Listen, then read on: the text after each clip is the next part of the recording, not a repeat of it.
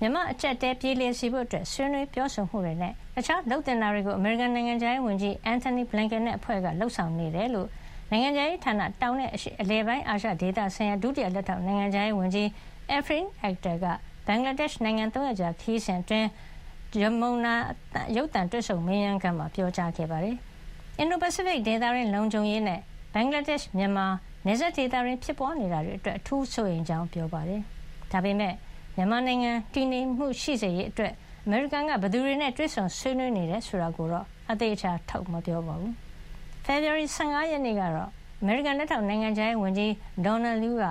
မြန်မာနိုင်ငံရဲ့အခြေအနေတွေဟာလာမယ့်ရက်တွေအတွင်းဘင်္ဂလားဒေ့ရှ်နဲ့အိန္ဒိယအပါအဝင်ဒေသတွင်းနိုင်ငံတွေရဲ့လုံခြုံရေးအတွက်အန္တရာယ်ကြီးလာမယ့်အနေအထားဖြစ်တယ်လို့ပြောကြားခဲ့ပါတယ်။ Afreen Akhter ကတော့အမေရိကန်အနေနဲ့ဘင်္ဂလားဒေ့ရှ်နိုင်ငံအကြီးအကျယ်ရင်ဆိုင်နေရတဲ့ ရိုဟင်ဂျာဒုက္ခသည်ပြဿနာဖြေရှင်းရာမှာ ကူညီပံ့ပိုးမှာ ဖြစ်ကြောင်းနဲ့ ဘင်္ဂလားဒေ့ရှ်နဲ့ လုံခြုံရေးဆိုင်ရာ သဘောတူညီချက် အပါအဝင်နှစ်နိုင်ငံ ပူးတွဲစစ်ရေးလေ့ကျင့်မှုတွေ၊နည်းပညာနဲ့ သင်တန်းပေးရေး ကိစ္စရပ်တွေကို လုပ်နေတယ်လို့ ပြောပါတယ်။